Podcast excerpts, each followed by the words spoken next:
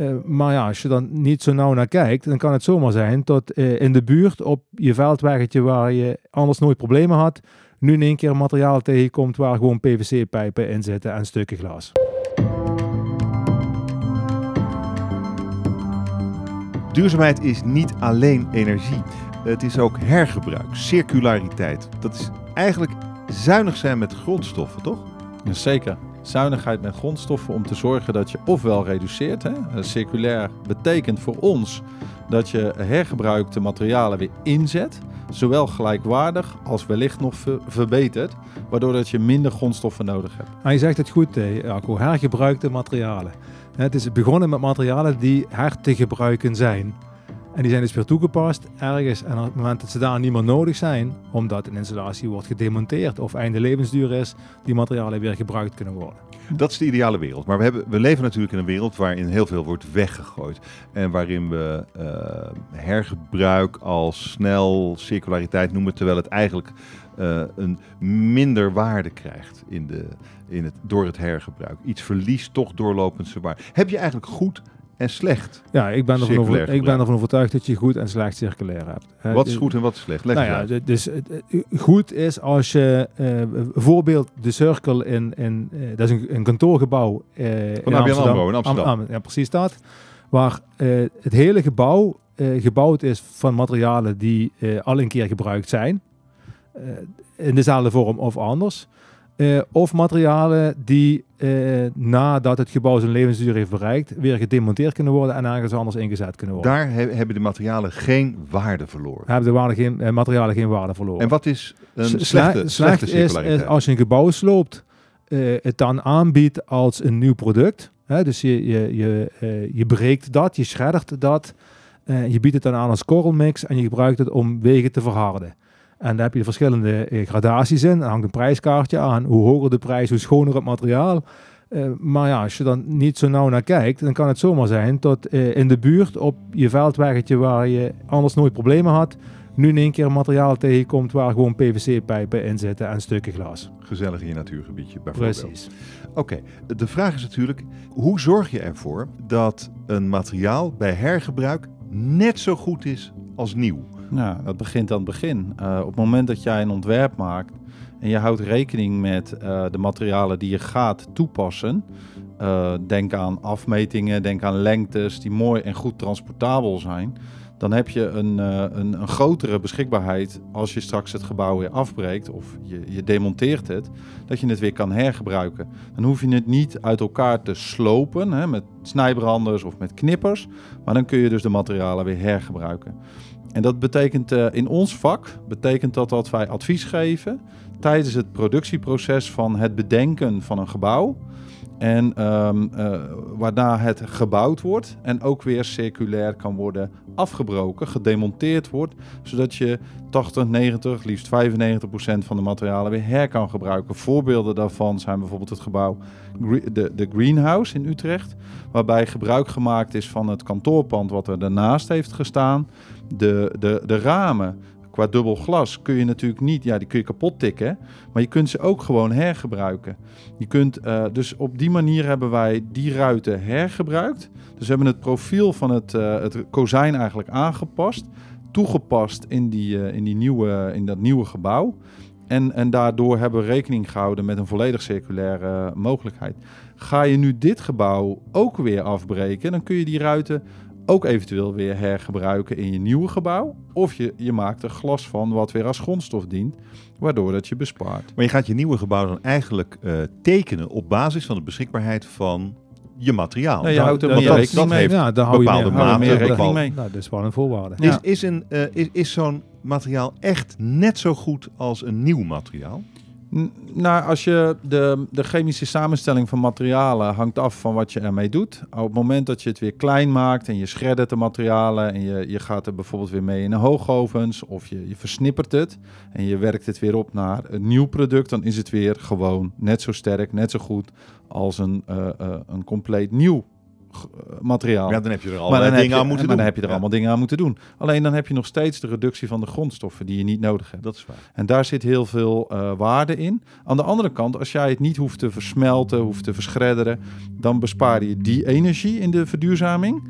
En dan kan je dus gewoon de, de materialen hergebruiken. Maar eh, bijvoorbeeld een, een stalen H-balk uit een gebouw, Kun je hergebruiken. Nee, eindeloos hergebruikt. Als die- Nou, maar nou ligt ja. aan hoe die, hoe die belast is. Daar heb je natuurlijk wel mee te maken. Of, of er eh, die, eh, eh, mechanische eh, be- belastingen, dynamische belastingen zijn geweest. Dus Eh, weet, weet je, niet. weet je niet, maar dat zou je dan vast moeten leggen. Dus dat is wel een voorwaarde. Je moet je materialen beschrijven. Je moet Ja. de geschiedenis van die H-balk moet je kennen. Correct. Ja, en, correct. da- en dat wordt samen eh, gepakt in het materiaalpaspoort. Zeg maar. Dan weet je wat vandaan komt en dan weet je wat het heeft meegemaakt. Hebben we dat al? In, in... Da- da- daar is men mee bezig. Ja. Ja, met, Maar- de, met- de steeds toenemende digitalisering in BIM, hè, dus dat zijn systemen Mhm. die eh, de manier waarop je een gebouw ontwerpt, bouwt en uiteindelijk onderhoudt, kan je dus zien of dat het materiaal ehm, eh, zwaarder of minder zwaar belast is. Maar je kunt je voorstellen dat je bij een brug een, een, of een sluisdeur kun je dezezelfde systematiek toepassen, waarbij dat je de brug nog steeds kan toepassen in een andere locatie. Maar je zult er moeten afwegen of dat dus de dynamische en statische krachten nog steeds van toepassing zijn en of dat die brug het nog steeds houdt. Dat kun je aantonen met eh, proeven, dat kun je proefondervindelijk aan, eh, aantonen en dat kun je gewoon in een laboratorium laten meten. Dat, dat, dat kost waarschijnlijk dat kost meer tijd en, en ook wat meer transport, maar per saldo hou je een reductie van je grondstofmateriaal. En dit is natuurlijk de weg uit onze wegwerkmaatschappij. In Dat is feite. correct. Dit is, dit, is Ja. de, dit is de sleutel tot een, Ja, een toekomst waarin we de aarde eigenlijk niet verder meer belasten, om het maar eens in grote woorden niet te zeggen. Ja. Dat is het eigenlijk. Ja, alleen dat is wel een innovatie die, eh, waar je aan moet wennen.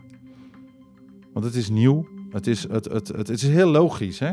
Wij is- bespreken dat hier zo, maar het is heel logisch. Maar per saldo, ehm, het gevoel van ik gebruik iets ouds, wat oud is, wat waarschijnlijk wel gebruikt is, tegen iets nieuws, daar heb je andere, daar, daar spelen andere krachten sowieso fysiek hè, van het materiaal. Maar ook krachten bij, ja, maar krijg ik het dan voor de helft van de prijs? Ja, bijvoorbeeld. Dat is Ah. natuurlijk niet zo. Nee, natuurlijk is dat niet zo. Want uiteindelijk, je moet het nog steeds op een goede manier conserveren. Je zult het materiaal op een goede manier moeten inzetten. En uiteindelijk levert dat dan een vermindering van de grondstoffen op. En dat heeft allemaal bij elkaar waarde. Wij, wij werken samen met een leverancier die, die, eh, die eh, betonnen eh, compactstationnetjes noemen wij ze, die transformatorhuisjes in de volksmond. Hm. Je kent ze wel, Ja. ze staan overal. Die worden vaker gedemonteerd of, of afgebroken in dat opzicht dat ze weggenomen worden door de netbeheerder. En dan staan die ergens. En voorheen sloegen ze die dan kapot. Of ik heb geen idee wat ze ermee deden. Hè, maar die, die, ja, die waren ergens, werden die achtergelaten. En dit bedrijf koopt die op en knapt die op. En, en, en levert die dan uit als, ook eerlijk, hè, met erbij, dit is een, een tweedehands, hè, noemen ze het dan, een gebruikt, maar gerenoveerd. En is net zo goed als nieuw. Ja, En, hij, en hij kost ook als nieuw. Nee, hij is goedkoper. Hij is goedkoper. Oké. Ja. ja. Maar dat, dat mag En ook, sneller leverbaar. Ja. Dat is ook niet, eh, eh, hè, dus niet- mis te verstaan dat dat heel belangrijk is eh, tegenwoordig. Ja. Ehm, eh, als dit de toekomst is, circulariteit. We zijn er nog niet. We zijn er misschien nog lang niet. Wat, wat zijn de belangrijkste obstakels op weg daar naartoe? Ik denk dat het gevoel van hergebruikt materiaal een bepaalde lading heeft. Een lading in de zin van het is tweedehands. Ja. Ja. Eh, Oh. voldoet het dan nog wel? Ik denk als we met elkaar in staat zijn om weg te nemen datgene, eh, dat gevoel. En aan te tonen dat zo'n eh, transformatorstation, zo'n zo'n behuizing gewoon net zo hard is, net zo stevig is en net zo betrouwbaar is. Net zo waterdicht. En net zo waterdicht is. En zo'n brug net zo goed begaanbaar is. Dan, dan neem je weg het gevoel van tweedehands. Ik geloof zelf niet in dat je tweedehands zo op die manier kan positioneren. En zeker in het daglicht van de verduurzaming. De circulariteit en de verduurzaming vormen daarin een schakel. Want als we weg willen van grondstofreductie, hè, dat willen we. We willen veel minder grondstoffen gaan gebruiken en uit de bodem halen. Dat, dat moet veel meer eh, gerealiseerd worden. We willen reduceren de energietransitie. Hè. We willen minder energie gaan gebruiken. Dan zul je producten en portfolio en dienstverlening tweedehands moeten gaan aanschaffen. Of misschien wel derde en vierde en vijfde hand. Maar je moet het niet tweedehands noemen. Je moet zeggen het is Exact. circulair. En je moet tekenen dat je garandeert dat, Exact. dat Ja. het net zo goed is Ja. als nieuw. Ja. Geheel mee eens. En Uh, uh, op, maar om, dat laatste is wel heel belangrijk. Hè? Op het moment dat we tweedehands kleren vintage begonnen te noemen, namen we in één keer, was het belangrijk of populair. Hè? Op het moment dat we eh, eh, gebroken bouwpuin uh, korrelmix noemen, eh, zijn we er in één keer een stuk, hè, een stuk makkelijker in om, het- om het toe te passen. Dus ik vind het eerlijke verhaal erachter, eh, hoe je het dan ook noemt, eh, circulair is belangrijk, want eh dan moet ook iedereen begrijpen wat circulair is. Maar het moet wel een eerlijk verhaal zijn. en wat doet SPI om dat eerlijke verhaal Nou, wij- te vertellen? Ja, wij hebben binnen SPI een aantal eh, expedities, waaronder aantoonbaar groen. Zodat het dus aantoonbaar groen is en circulair is. Daar worden projecten bedacht, besproken, gezocht naar oplossingen die hergebruik en herwaardering van materialen weer kunnen inbrengen. Moet je niet zeggen, we willen in elk project zoveel mogelijk circulariteit. Dat Uiteindelijk is dat wel het doel. Ja. En, Ja. maar, maar hoe kom je daar? Uh, Door met elkaar ehm, de ketenen bij elkaar te brengen. Hè. We, hebben, we hebben daar eerder over gesproken. Je brengt eigenlijk vraag en aanbod bij elkaar. Er is een aanbod aan oudere materialen, aan, aan, aan grondstofrijke materialen. Die kunnen worden toegepast in een, in een vernieuwende eh, omgeving. Bij beheer en onderhoud, maar ook zeker bij nieuwbouw. En als je die twee werelden bij elkaar brengt, wat we aan het doen zijn, onder andere met inkoop, dan helpt dat om een reductie te doen van de grondstoffen.